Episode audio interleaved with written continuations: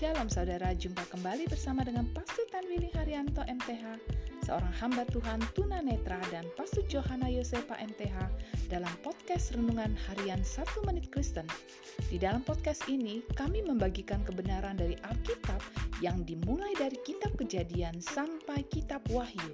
Selamat menikmati.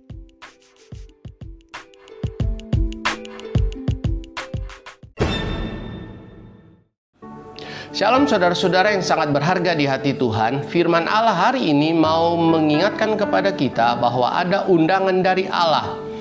Allah mengundang Musa, Harun dan anak-anak Harun berikut 70 para tua-tua Israel untuk datang kepadanya.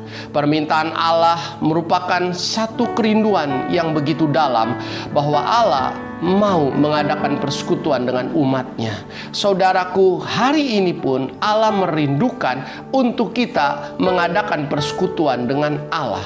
Allah selalu mengundang diri kita untuk hadir di dalam hadiratnya.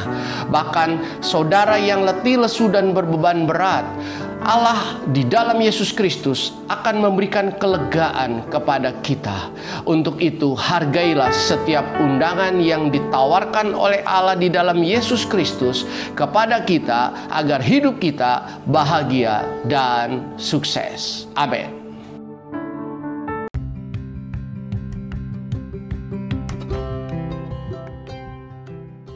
Terima kasih saudara telah mengikuti podcast Renungan Harian 1 Menit Kristen. Doa kami, kiranya kebenaran yang saudara terima akan membuat saudara semakin berakar di dalam Tuhan dan bertumbuh dan berbuah lebat di dalam Tuhan. Tuhan Yesus memberkati.